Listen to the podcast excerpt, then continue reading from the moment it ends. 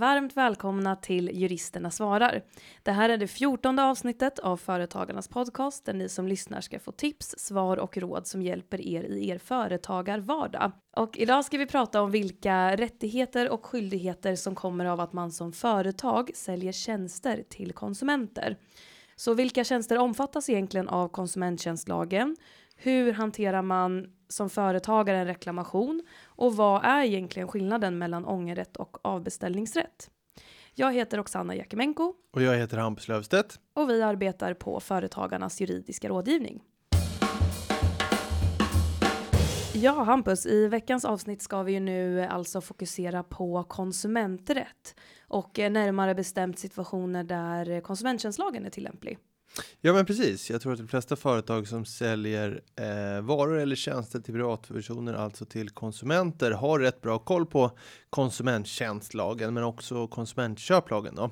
Och att det är tvingande lagstiftning. Mm. Med tvingande lagstiftning så, så menar man ju att, att eh, man inte får ge konsumenten sämre villkor än vad som anges i lagen. Och jag upplever att vi i vårt dagliga arbete i rådgivningen stöter på en hel del frågor och funderingar kring vad kunden egentligen kan kräva och vad man som företagare gör och behöver och måste e-, erbjuda och så vidare. Och vilka krav man som företagare kan ställa på kunden också då. Mm, nej, men jag håller med. Jag tycker också att vi, vi får en hel del frågor om det och det kan man ju också förstå. Alltså det finns ju många typ, olika typer av tjänster, olika typer av plattformar där man kan boka tjänster via olika typer av problem man ska utföra en tjänst, alltså allt från ja, men missförstånd till eh, materialbrist. Mm. Och då är det ju viktigt att man så, såväl som konsument som, som företagare då har koll på vad lagen säger.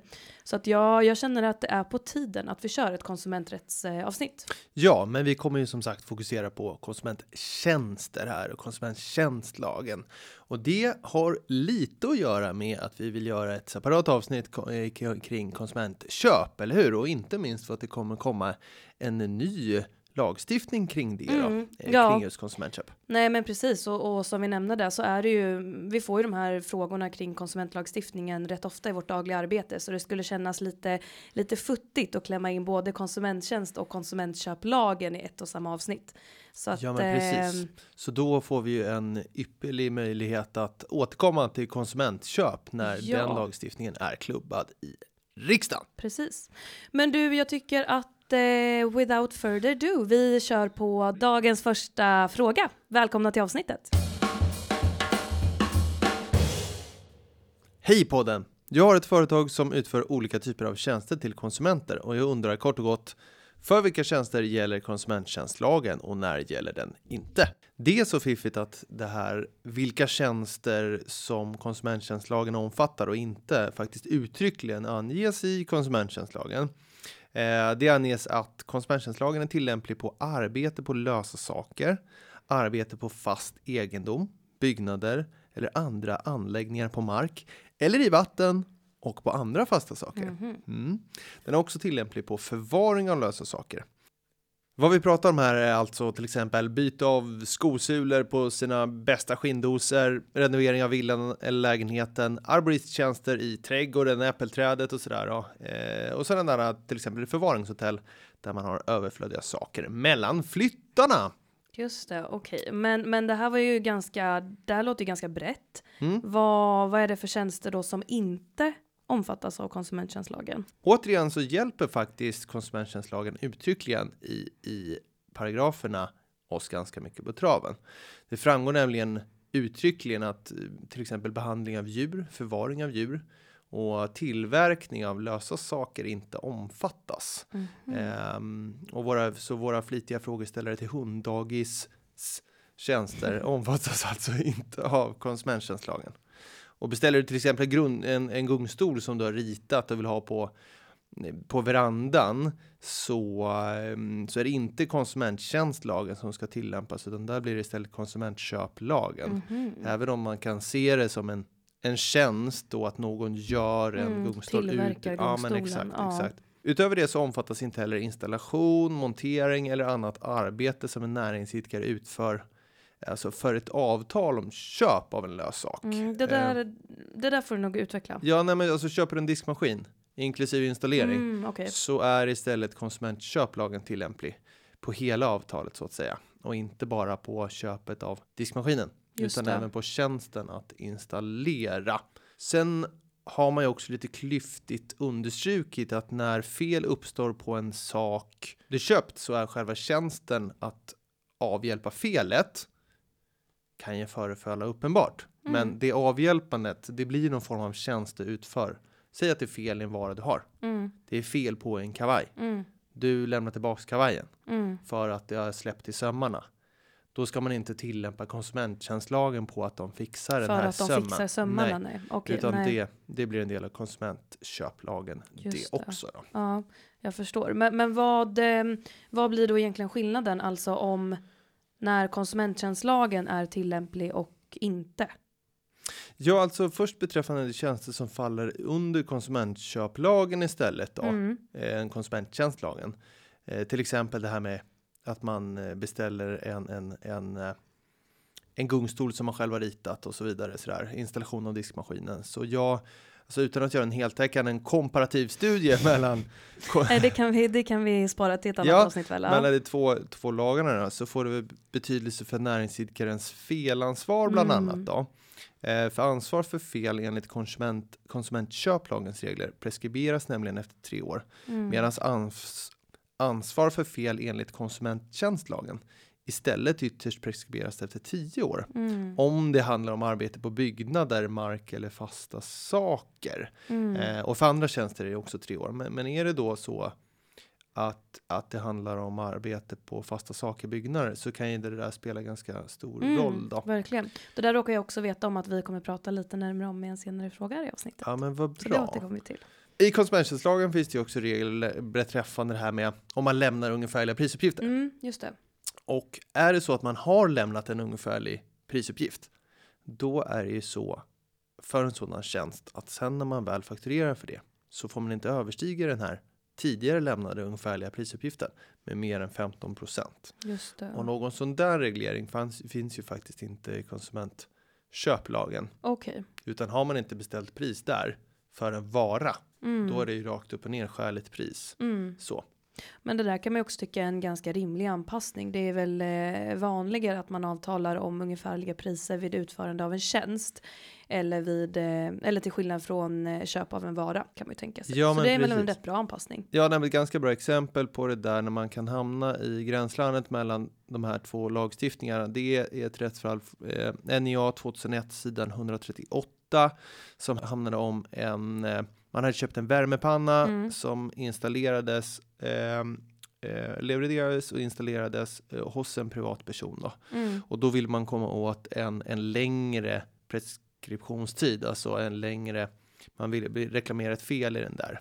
Och då försökte man komma ur att det var ett konsumentköp. Just det. Och man- ville hellre då hävda att det var en konsumenttjänst då. Så konsumenttjänstlagen Precis så. tillämplig. Ja, jag Ja, fattar. ja Mm. eh, just det här rättsfallet var innan det här hade tydliggjorts med, Mm. med blandade avtal. Mm. Så, så året efter så kom det faktiskt ett tydliggörande. Så nu står det lite mer tydligt i konsumenttjänstlagen, framförallt i konsumentköplagen, Mm. att jaha, eh, konsumentköplagen är, är inte tillämplig, nu parafraserar jag, men inte tillämplig på avtal där tjänsten är en väsentlig del. Mm.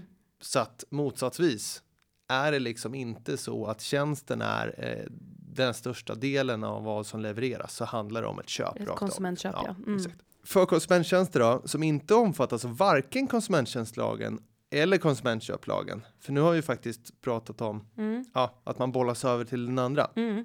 Så till exempel behandling av personer eller levande djur, gymkort, aktivitetstjänster, kurser, eh, flyttjänster och liknande så innebär det ju faktiskt att så, så faller de här ju helt utanför båda de här konsumentlagstiftningarna. Mm. Och då blir det ju väldigt viktigt att parterna avtalar om vad som ska gälla Just för det. den här tjänsten. Mm. Till exempel för fel, för reklamation, eh, preskription och reklamationsfrister, avbeställningar eh, och så vidare. Eh, för annars blir det lite osäkert beträffande hur, hur uppkomna problem ska lösas rent rättsligt. Mm. Men med det sagt så kan vi säga att konsumenttjänstlagen ändå i praxis har tillämpats analogt ganska mycket. Mm. Finns till exempel ett rättsfall från 2002, NIA 2002 sidor 164, där HD då tillämpar konsumenttjänstlagens regler om just avbeställning på kursverksamhet. Eh, NIA 2011 sidan 600 så tillämpar Högsta domstolen då konsumenttjänstlagens regler om när betalning ska erläggas. Där huvudregeln i konsumenttjänstlagen är att att den ska erläggas när tjänsten har utförts. Då. Mm. Den använder man analogt för tandvårdstjänster, Mm. även om den då, då det faller utanför konsumenttjänstlagens eh, tillämpningsområde. Ja, Mm. så analogiserar man den eh, lite, men då, då tittar man liksom på specifika punkter, eller spe- specifika paragrafen. Passar det in för den här typen av tjänst? Mm. Så kontentan är väl lite så här att är det så att man erbjuder tjänster som hamnar utanför konsumenttjänstlagens och konsumentköplagens tillämpningsområde så är det viktigt att man avtalar med konsumenterna, kunderna om, om vad som ska gälla vid olika typer av situationer. Just det. Och jag tänker att för den intresserade så kan vi ju lägga in de här rättsfallen i avsnittsbeskrivningen. Ja, men absolut. Ju vara bra med Mm. lite så praktiska omständigheter. Ja, så lite det om detta, om vilka Mm. tjänster som omfattas av konsumenttjänstlagen. Bra. Hej, jag har ett aktiebolag som jag äger och arbetar i. Jag håller just nu på att se över mina allmänna villkor och fastnade vid garantidelen. Jag säljer tjänster till konsumenter och de omfattas väl av garantin i konsumenttjänstlagen? Eller måste jag ha en egen garanti i mina allmänna villkor för tjänster? Ja, och Mycket bra fråga. eller hur? Och Ja. ganska vanlig fråga. Yes. Alltså det är ju rätt vanligt att man blandar ihop det här med, med eh, garanti och reklamation. Mm. Så jag tänker att eh, vi ska försöka reda ut de här begreppen här Mm. och vad som är vad. Så att man kan börja med att säga att konsumenter har ingen garanti avseende en tjänst enligt konsumenttjänstlagen. Och när jag säger garanti då så tänker jag på att ett eh, företag tar ansvar för att en tjänst ska fungera på ett visst sätt under hela garantitiden. Mm. Ehm, och det finns alltså inget lagkrav på att ett företag måste lämna en garanti till en konsument utan det är helt frivilligt. Mm. Och det är också frivilligt för företaget att om man nu väljer att lämna en garanti vilka fel och i vilken utsträckning då den här garantin ska gälla. Mm. Ehm, och om företaget menar, låt säga här att man lämnar en garanti och man blir oense med kunden då ehm, och företaget menar att nej garantin ska inte täcka det här vissa felet eller det här specifika felet. Mm. Då är det också företaget som har bevisbördan för det. Eh, och det är alltså garanti. Okej, men, men reklamation då? Alltså hur skiljer Mm. sig hur skiljer sig det från garanti, alltså felansvar? Liksom? Mm, exakt. Och det som konsumenten har rätt till, eller så här som sagt garanti, det finns det ingen rättighet för konsumenten till enligt konsumenttjänstlagen.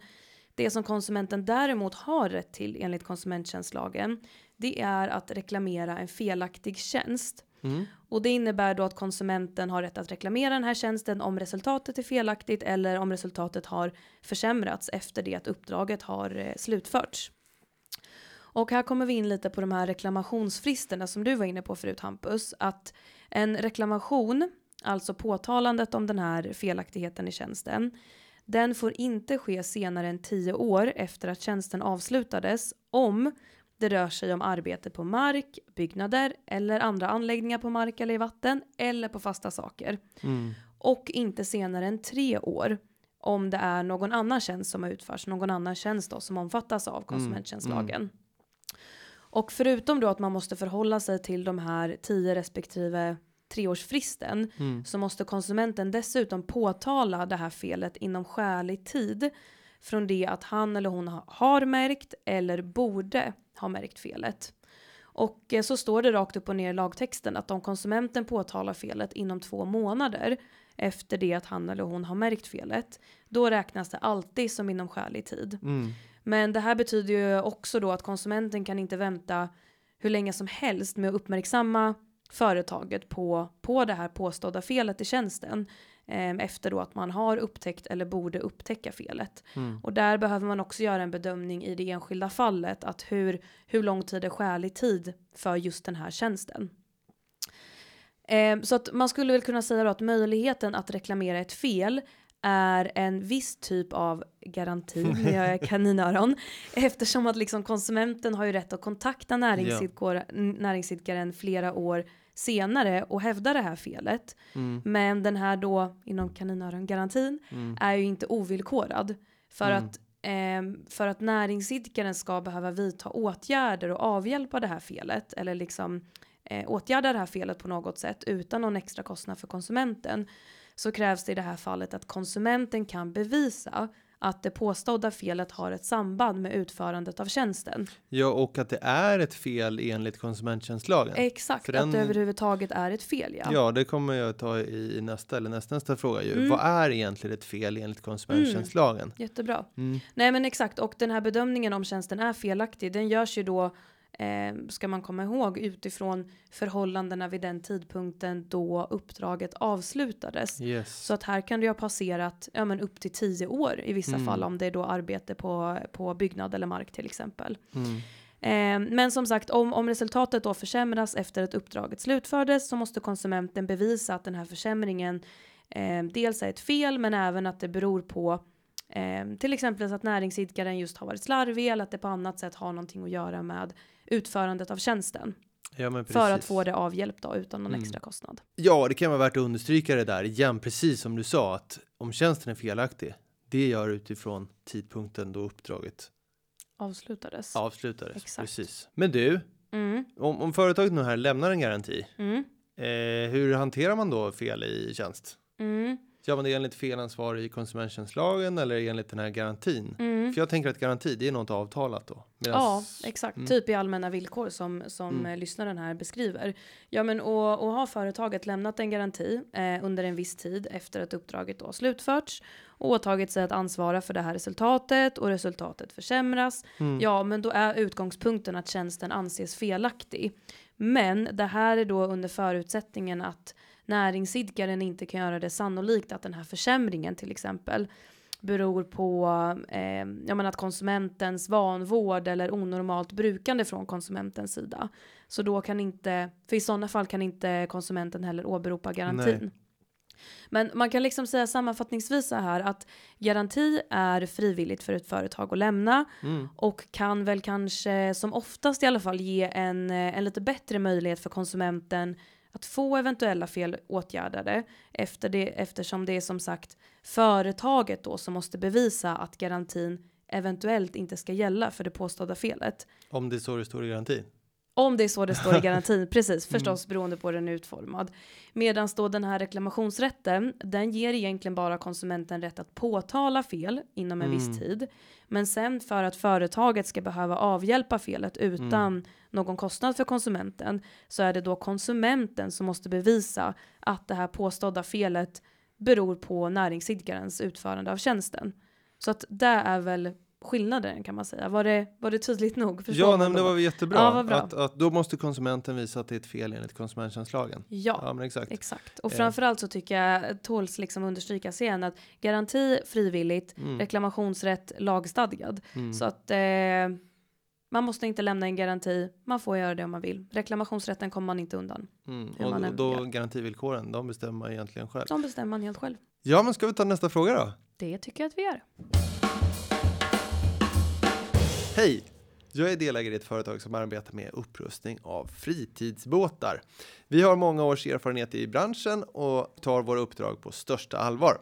Med tanke på vår erfarenhet är vi kanske inte det billigaste på marknaden och våra kunder, som är privatpersoner, ställer höga krav på utförandet. Det här har vi full förståelse för.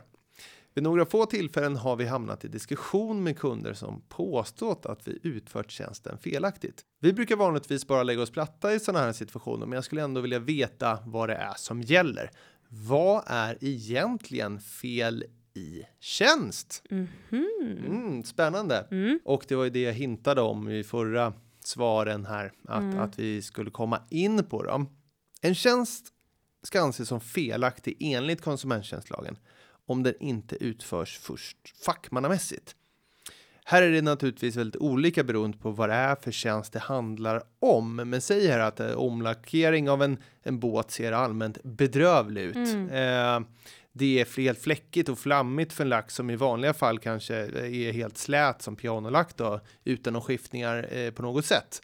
Eh, och detta beror på att näringsidkaren applicerat lacken på ett felaktigt sätt. Så, så, så får man anta att det är ett fel som näringsidkaren ska stå för. Det är inte Mm. fackmannamässigt utfört. Mm. Man tänker sig här en objektiv bedömning utifrån till exempel anvisningar och branschstandarder. Mm. Okej, så att om, eh, om en näringsidkare då, det här företaget, inte följt eh, färgproducentens anvisningar, Mm. då är den här lackeringstjänsten inte utförd fackmannamässigt. Ja, men precis så. Det är en Mm. typisk sån eh, beskrivning av vad är fackmannamässigt. Det, det kan till exempel vara så att man, man har helt struntat i de anvisningar som krävs för den här Mm. produkten som man applicerat. Mm. Sen så är även tjänsten felaktig om näringsidkaren inte uppfyllt sin omsorgs eller samrådsplikt. Mm. De här två går ihop lite, men man kan generellt säga att omsorgsplikten handlar om att företagaren ska ställa sin kunskap beträffande det, de här båttjänsterna eller andra avtalade tjänster till konsumentens förfogande. Mm. Eh, medan samrådsplikten mer specifikt handlar om en skyldighet att samråda med konsumenten. Okej, men vad, alltså mer konkret, vad, Mm. vad kan den här omsorgsplikten och den här samrådsplikten innebära för, för ett företag? Ja, nej, men omsorgsplikten med dess eh, samrådsplikt kan eh, till exempel innebära att företagaren i diskussion med konsumenten innan man beställer en tjänst ska sig informera om olika prisförslag eh, när man får säg ritningar eller material från från en konsument kritiskt granska det både materialet eller ritningarna Mm. så här, det här kanske inte är så här, Genomförbart, Det är liksom. kanske inte genomförbart, det Mm. kanske inte blir så bra och så vidare. Det finns ju faktiskt en avrådans eh, plikt rakt upp Mm, och just ner det. också. Eh, men, men säg då att för den här situationen att lackeringen av båten kan ske på olika sätt. Det kanske kan vara för olika långvarigt skydd. Jag är inte Mm. proffs på, på lackering av båtar, men säg att det kanske har olika livslängd i skydd mot Mm. alger eller mot vatten eller sådär. Ja. Så, så ska man eh, ja, samråda med eh, konsumenten helt enkelt. Mm. Och gör man då inte det så kan det precis som att det inte ses som fackmannamässigt Mm. Eh, ses som ett fel i tjänsten att man inte samråder. Jag läste faktiskt ett fall häromdagen i Allmänna reklamationsnämnden när där det då faktiskt såg som ett fel i tjänst Mm. när en näringsidkare inte hade uppfyllt sin omsorgs och samrådsplikt. Mm. Eh, Vad, vad, vad, varför inte eller på vilket sätt? ja, i det fallet så hade man tagit emot en, en kristallkrona för renovering och eh, efter då man hade tagit emot den här så hade kunden i flertalet tillfällen frågat om olika sätt man kunde renovera den på och för att få olika prisförslag. Mm. För det hade man av någon anledning inte gjort direkt över disk Nej, i okej. butik. Så Mm. hade man gjort senare. Men man, näringsidkare hade inte återkommit kring det här. Mhm. Utan hade sen bara skickat fakturan på, på 11 000 kronor tror jag det var. Något sånt. Mm. Tagit det beslutet själv liksom Ja, utan att så här gör vi. Ja, så här gör Trots vi. att konsumenten uttryckligen hade verkligen velat Mm. samråda kring den här tjänsten. Mm. Eh, Och då, det såg Allmänna reklamationsnämnden som ett fel i tjänst, vilket Mhm. föranledde prisavdrag. Okej, spännande. Eh, men och jag tänker, ska vi säga någonting lite kort här också om vad, om vad är Allmänna reklamationsnämnden för någonting? Ja, Allmänna reklamationsnämnden är ju faktiskt bara en rådgivande nämnd. Det är ju inte en domstol, men det kan ju ändå ses som vägledande. Mm. Ja, men precis. Och det är väl också någon slags praxis eh, på, på svenska marknaden att följa Allmänna reklamationsnämndens beslut. Men de är ju inte juridiskt bindande som sagt, utan det är ju bara eh, ja, rekommendationer kan man säga. Sen har ju vissa branschförbund i sina villkor skrivit att vi följer det. Mm. Så jag vet att, att eh, finns branschförbund för bilmekaniker, Mm. att de i sina allmänna villkor skriver att vi följer Allmänna reklamationsnämndens utslag. Då blir Mm. det ju juridiskt bindande. Ja, då måste man göra det Mm. om man har avtalat om det. Ja, men precis. Mm. Men ehm, om vi ska återgå till det här fel, med fel i tjänst. Okej, så kristallkronan och där hade man inte uppfyllt sin, eh, sin omsorgs och samrådsplikt Mm. och då ansågs det vara fel i tjänst. Men Mm. jag tänker om man, eh, liksom om man tänker på ett mer uppenbart fall, alltså om eh, företaget, de har helt enkelt inte utfört det man har avtalat om. Det måste väl också vara fel i tjänst då? Ja, men absolut. Alltså, nu har jag ju nämnt när det, icke, när, när det inte fackmannamässigt utfört, man har inte uppfyllt sin omsorgs och, och samrådsplikt. Mm. Men precis som du är inne på så, så fortsätter konsumenttjänstlagen att rada upp andra tillfällen eller andra situationer där det är Mm. fel i tjänst. Och en sådan reglering är ju just att det är ju fel i tjänst om resultatet avviker från vad som har avtalats. Mm. Och utöver detta så är det också fel i tjänst om resultat avviker från föreskrifter eller myndighetsbeslut som syftar till eh, att säkerställa föremålet eh, för tjänsten, att se till att det är tillförlitligt från säkerhetssynpunkt. Mm. Sen finns det faktiskt en uttrycklig informationsplikt och om man inte uppfyller den så är det också fel i tjänsten. Och det handlar då om om eh, näringsidkaren underlåtit att upplysa konsumenten om om sådana förhållanden som rör tjänstens beskaffenhet eller ändamålsenlighet. Men sen kommer det en sån här abrovink som näringsidkaren kände till eller borde ha känt till och som han insåg eller borde ha insett vara av betydelse för konsumenten. Och en förutsättning för att den här tjänsten ska anses som felaktig för att man har brutit mot informationsplikten. Det är ju dock att den här underlåtenheten antas ha inverkat på avtalet. Ja, så det kan alltså vara fel om man brutit mot informationsplikten. Men när vi nu ändå går igenom allt det här, Oksana, Ja. Ja. Så är det så här fiffigt att det finns en avrådansplikt som inte är en direkt felbestämmelse i Okej. konsumenttjänstlagen som jag ändå Mm. tycker att vi måste nämna. Mm. Det finns alltså en, en, en plikt för näringsidkare att helt avråda från att en tjänst ska utföras. Mhm. Det är också tydlig skyddslagstiftning. Verkligen. Jag menar, jag menar, mellan näringsidkare så kan man väl nämna att det finns väl finns ju ingen lagstiftning mot dåliga affärer Nej, på något sätt eller man ska säga. Men, men här finns det uttryckligen så att en näringsidkare är skyldig att om det är så att med eh, en tjänst med hänsyn till pris, eh, värdet av föremålet för tjänsten eller andra särskilda omständigheter, Mm. alltså att det ins- inte anses vara till rimlig nytta för konsumenten, då ska näringsidkaren avråda honom från att helt alltså Mm. låta utföra tjänsten. Mm. Ja, och här har ju den uppmärksamma lyssnaren märkt då att det finns liksom två stycken regler beträffande information som inte lämnas. För kan man, Mm, man kan det. nästan se som att ett avrådande är, är liknar att inte ha lämnat in- information.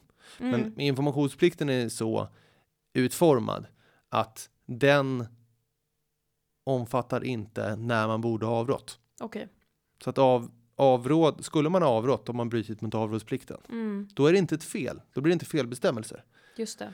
Och det här gör att det blir två olika det blir två olika rättsföljder. Så Mm. får man titta, är det så att man skulle ha avrått, då handlar det om avrådan. Medans om eh, det handlar om fel informationsplikt som inte direkt skulle leda till avrådan. Avrådan, Mm. Då tittar man i felansvaret och tittar på de påföljder som kan skilja där. Då. Mm. Okej, så att då blir det alltså, då blir det alltså skillnaden i vad företaget, liksom vad näringsidkaren måste göra sen beroende på om man har brutit mot informationsplikten eller om man har brutit mot eh, avrådansplikten. Ja, så blir precis. liksom skyldigheterna där olika. Påföljderna Okej. blir olika, Mm. helt rätt. Om det är så att man har brutit mot avrådansplikten och det finns starka skäl att anta att konsumenten i annat fall skulle avstått från att beställa tjänsten eller om man hade avbeställt det här, då har näringsidkaren inte rätt till mer ersättning än vad som hade man hade fått för ersättning om konsumenten hade fått av, avstå från att beställa varan eller, eller hade avbeställt den. Just det.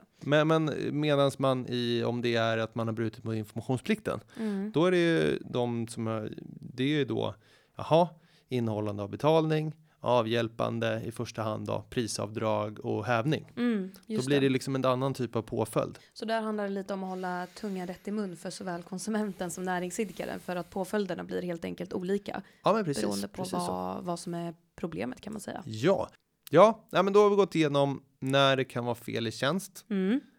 och vi har också fått en liten bonus. Avråd, skyldigheten att avråda. Precis så. Mm. Bra, Känns som att vi tar nästa fråga kanske. ja men det gör vi.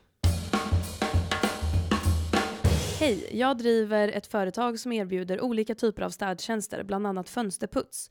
Vi har en liten butik dit kunder antingen kan ringa eller komma förbi och beställa våra tjänster. För ett tag sedan hade jag en kund som kom förbi butiken och ville att vi tre dagar senare skulle åka hem till henne och putsa hennes fönster. Mm. Kunden förskottsbetalade på plats och dagen efter åkte vi ut till kunden och monterade upp ställningar för att komma åt fönstren. På kvällen dagen innan vi skulle åka dit och utföra tjänsten hörde kunden dock av sig och sa att hon ville utnyttja sin ångerrätt och ha rätt till återbetalning. Vi har ju dock redan påbörjat arbetet och vi vill ha betalt för det. Men kunden menar att ångerrätten innebär att hon inte måste betala någonting och har som sagt rätt att få tillbaka det hon redan har betalt. Vad gäller egentligen? Okej, och jag tänker att eh, även här behöver vi nog reda ut lite begrepp eller lite vad som är vad. Mm. Eh, för det är ju en skillnad på ångerrätt och rätten att avbeställa en tjänst. Det känns lite som att du är språkpolis idag. Ja, eller hur? Jag vet, jag vet inte om jag gillar det eller inte, men, men som sagt, alltså det, det är lätt att liksom eh, Ja. gå vilse i bland de här begreppen. Och som sagt, än en gång, gäller för både konsumenten och företaget att eh, hålla tungan rätt i mun, för det blir olika påföljder även här. Ja, men precis så. Det handlar ju inte om egentligen begreppen i sig, utan det handlar ju om att det är olika situationer som faller under de olika eh, rättsliga regleringarna Ja. som råkar ha de här begreppen. Så att när ett företag säljer varor eller tjänster till konsumenter på distans, Mm. det vill säga utanför en affärslokal, utanför en butik, Mm. så på nätet eller via telefonen då, så har konsumenten 14 dagars ångerrätt enligt lagen om distansavtal och avtal utanför affärslokaler. Mm. Och vi kallar den här för enkelhetens skull då, för distansavtalslagen. Mm. Eh, och när det gäller tjänster då så börjar den här 14 dagars ångerfristen att löpa från den dagen då konsumenten ingick avtalet. Förutsatt då att konsumenten har fått rätt information om hur ångerrätten fungerar. Det kan vara värt att komma ihåg att för ångerfristen för varor så är det istället från när man mottagit varan. Ja, nej men, Men du- precis. Mm, När får man använda den här ångerrätten då? mm. Är det så, krävs det att man inte tycker om tjänsten liksom? Eller vad? Man, ja, Jag fattar. Nej, alltså det, det gör ju inte det. Det finns liksom ingen särskild anledning som konsumenten måste ange för att få använda sig av sin ångerrätt. Eh, utan man har bara rätt att göra det helt enkelt. Det räcker Mm. med att man meddelar eh, näringsidkaren då att jag vill använda mig av min ångerrätt. Mm, Och mm. att förutsättningarna då i distansavtalslagen är uppfyllda. Ja, för det eh, finns lite undantag kanske från ångerrätten. Ja, precis. Det Mm. finns en hel del undantag från ångerrätten. Men jag tänker att det behöver vi inte gå igenom här och nu. Nej. Eh, men det är precis bra. Det är värt att nämna att huvudregeln är att 14 dagars ångerrätt om avtalen ingås på distans, men med vissa undantag. Just det. Eh, men jag tänker i det här fallet så skriver ju lyssnaren då att den här kunden kom in till hans butik och Mm. gjorde en beställning. Mm. Och det innebär ju här att kundens argument om att hon har en ångerrätt, den faller ju redan där. För det här avtalet har ju inte ingåtts på distans och därmed har man inte den här 14 dagars ångerrätten. Ja, men just det. Sen så kan man ju ha öppet köp och sådär och det kanske är vanligare när man eh, handlar med varor men det är frivilligt för företaget att erbjuda öppet Mm, Det är köp. ett avtalsvillkor. Exakt. Okej, men finns det något annat sätt som kunden kan ångra den här tjänsten på då? Eh, du nämnde att det är skillnad på ångerrätt och avbeställning. Ja men precis, alltså rätten att avbeställa en tjänst den hittar man i konsumenttjänstlagen. Och den kan man säga blir aktuell till exempel när konsumenten har köpt en tjänst Mm. men som inte omfattas av ångerrätten. Men konsumenten vill då ändå inte ha den här tjänsten helt enkelt. Och då så kan konsumenten komma ur avtalet genom att avbeställa tjänsten. Och avbeställningsrätten liknar ångerrätten på så sätt att den också är eh, fri. Alltså konsumenten behöver inte ha något särskilt skäl för att avbeställa enligt konsumenttjänstlagen Mm. heller.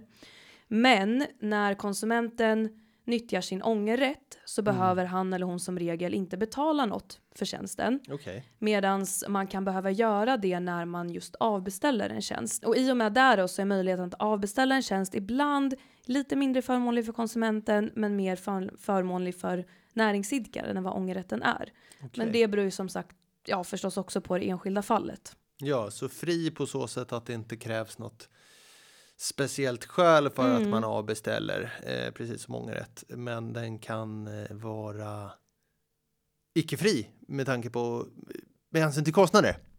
Inte gratis så att säga. Ja, precis. Inte gratis. Ja, men jag förstår. Men så konsumentens eh, argument, har företaget några rättigheter i det här fallet? Mm. Ja, men det har de eftersom att eh, konsumenten avbeställer tjänsten innan den har slutförts Mm. så har näringsidkaren rätt till ersättning för den del av tjänsten som redan är utförd Mm. och för arbete som måste utföras trots avbeställningen. Right. Ehm, och den här ersättningsmöjligheten för näringsidkaren då, den finns ju dock bara om tjänsten redan till någon del har utförts, Mm. liksom påbörjats när konsumenten har avbeställt.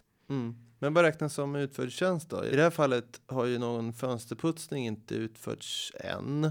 Men lyssnaren skriver att han däremot har monterat ställningar. Kan, kan han Mm. få ersättning för det kostnaderna? Mm. Ja, men det är faktiskt precis det han kan få.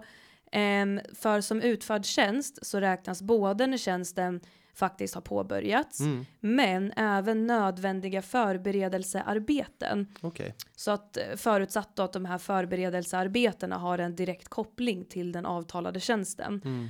Och jag skulle säga att montera upp en ställning inför fönsterputsning, det Mm. tycker jag i alla fall låter som en nödvändig, Ja, ett nödvändigt förberedelsearbete och det har ju också en tydlig koppling till Mm. till den avtalade tjänsten. Eh, och företaget har ju då som sagt eh, rätt till eh, ersättning för förberedelsearbeten men också för arbeten som måste utföras trots avbeställningen. Och det skulle till exempelvis kunna vara nedmonteringen av ställningen i fråga Mm. eller borttransport av eh, material som då inte har kommit till användning. Näringsidkaren kan också ha rätt för ersättning för restid till konsumenten om arbetet då ska utföras hemma hos honom eller henne, Mm. vilket det ju verkar vara fråga om i det här fallet. Mm. Och här skulle man kunna tillåta sig att generalisera lite. Här märker man ju med tanke på de här ersättningsmöjligheterna att ju senare konsumenten gör en avbeställning, Mm. desto högre ersättning kan konsumenten behöva betala. Ehm, sen ska det också nämnas att näringsidkaren kan också ha rätt till ersättning för förluster på grund av att eh, man har underlåtit sig att ta på sig annat arbete Mm. eller att man då på annat sätt har inrättat sig efter uppdraget. Eh, men alla de här ersättningarna nu som jag har gått igenom, de liksom för att man ska kunna kräva det av konsumenten så förutsätter ju det såklart att näringsidkaren faktiskt har gjort något slags förberedelsearbete.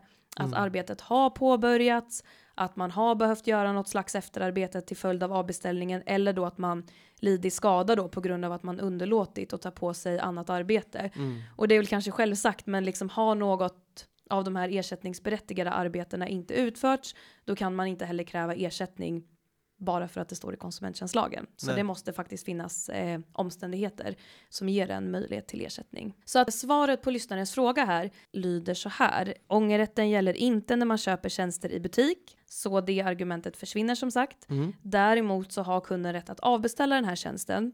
Eh, men har företaget här utfört, utfört några förberedelsearbeten eller andra arbeten då som kan vara ersättningsberättigade Mm. så kan man kräva kunden på ersättning för det här. Eh, så att summa summarum, en eh, kund, konsument, får avbeställa en tjänst även om ångerrätten inte gäller. Men då ska man som konsument då inte räkna med att det är eh, helt gratis, kostnadsfritt att göra det alltid. Mm. Ja, men jag förstår. Så. Har vi kommit fram till avsnittets sista fråga. Ja. Och som jag hintade om lite förut när vi var inne på vad som är fel enligt konsumenttjänstlagen så innebär ju fel att det blir påföljder. Yes. Yes, så jag tänkte att vi tar en fråga som är lite mer fokuserad på just vad som händer vid fel då. Mm. Hej juristerna svarar. Jag driver en målerifirma som utför måleriarbeten åt konsumenter.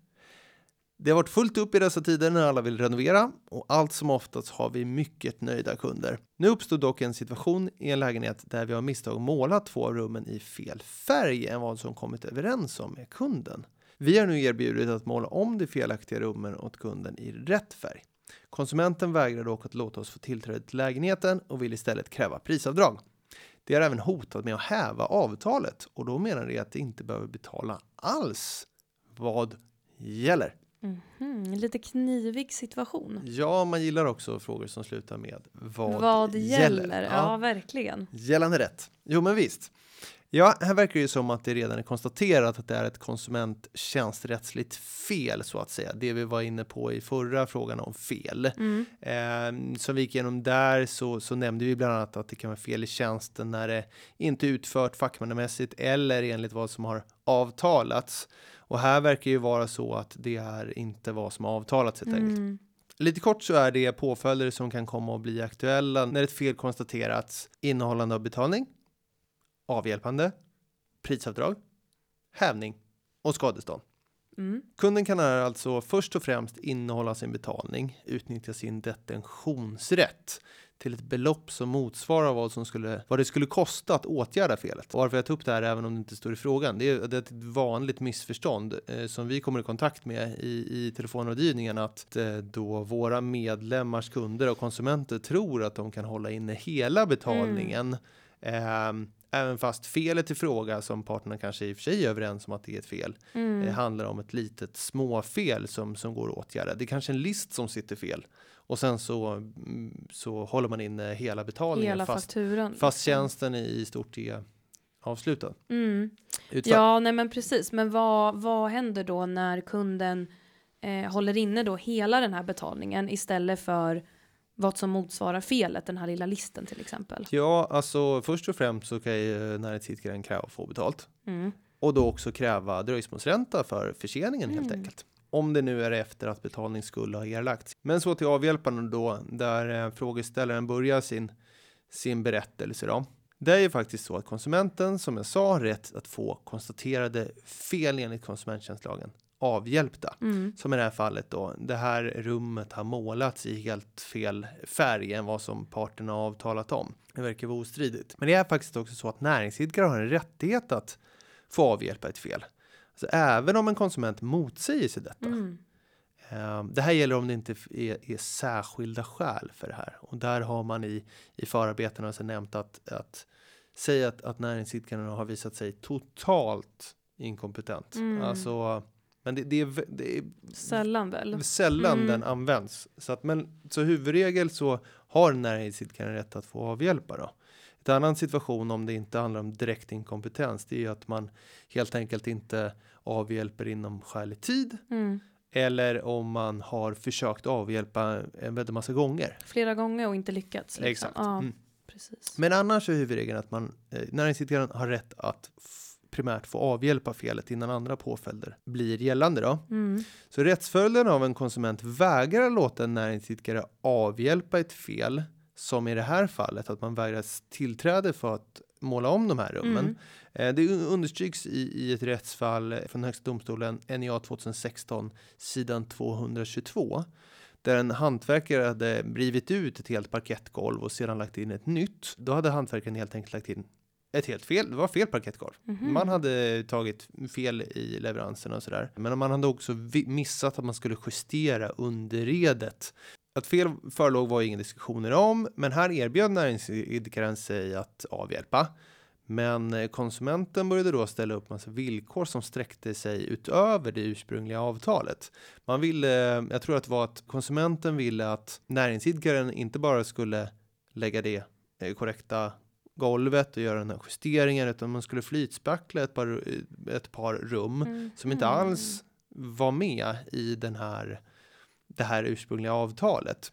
HD konstaterade att näringsidkaren faktiskt erbjudit sig avhjälpa enligt avtal och att det inte var skyldig att gå med på den här konsumentens eh, nya villkor så att säga. Och, och därför såg man det som att näringsidkaren hade vägrats tillträde att faktiskt göra då vad de hade erbjudit Mm. eh, med avhjälpa enligt avtalet. Och det här resulterade då att, att konsumenten helt enkelt förlorar sin rätt till prisavdrag. Mhm. Så till situationen som frågeställaren här har så innebär det att konsumenter som den här konsumenten som vägrar att låta frågeställaren måla om de här två rummen gör att konsumenten faktiskt sen inte har rätt att kräva prisavdrag istället då. Mhm.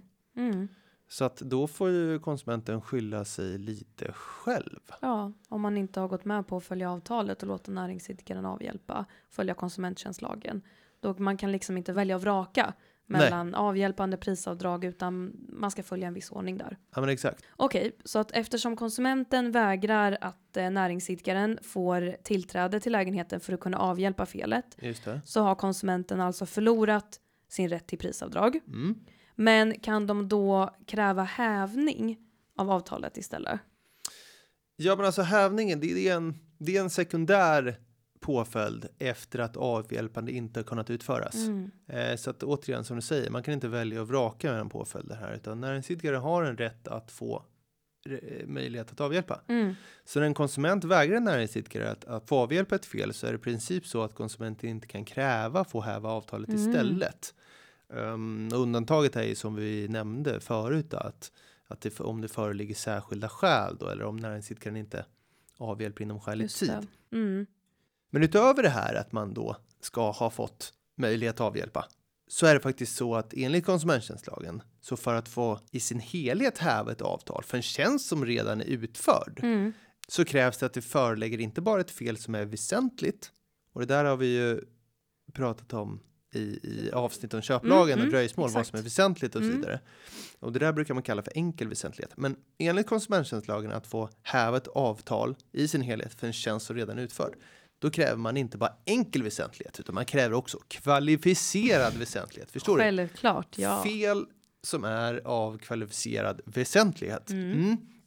Och i konsumenttjänstlagen så uttrycks det där som om att eh, syftet med tjänsten i huvudsak är förfelat och näringsidkaren insett eller bort inse detta. Okej, så det är kvalificerad väsentlighet. Kvalificerad, alltså i huvudsak förfelat. Och näringsidkaren insett eller bort insett detta. Mm. Tjänsten ska alltså eh, med andra ord vara helt värdelös för konsumenten Mm. i stort sett. Eh, så att man förstår ju att det är undantagsfall här då. Mm.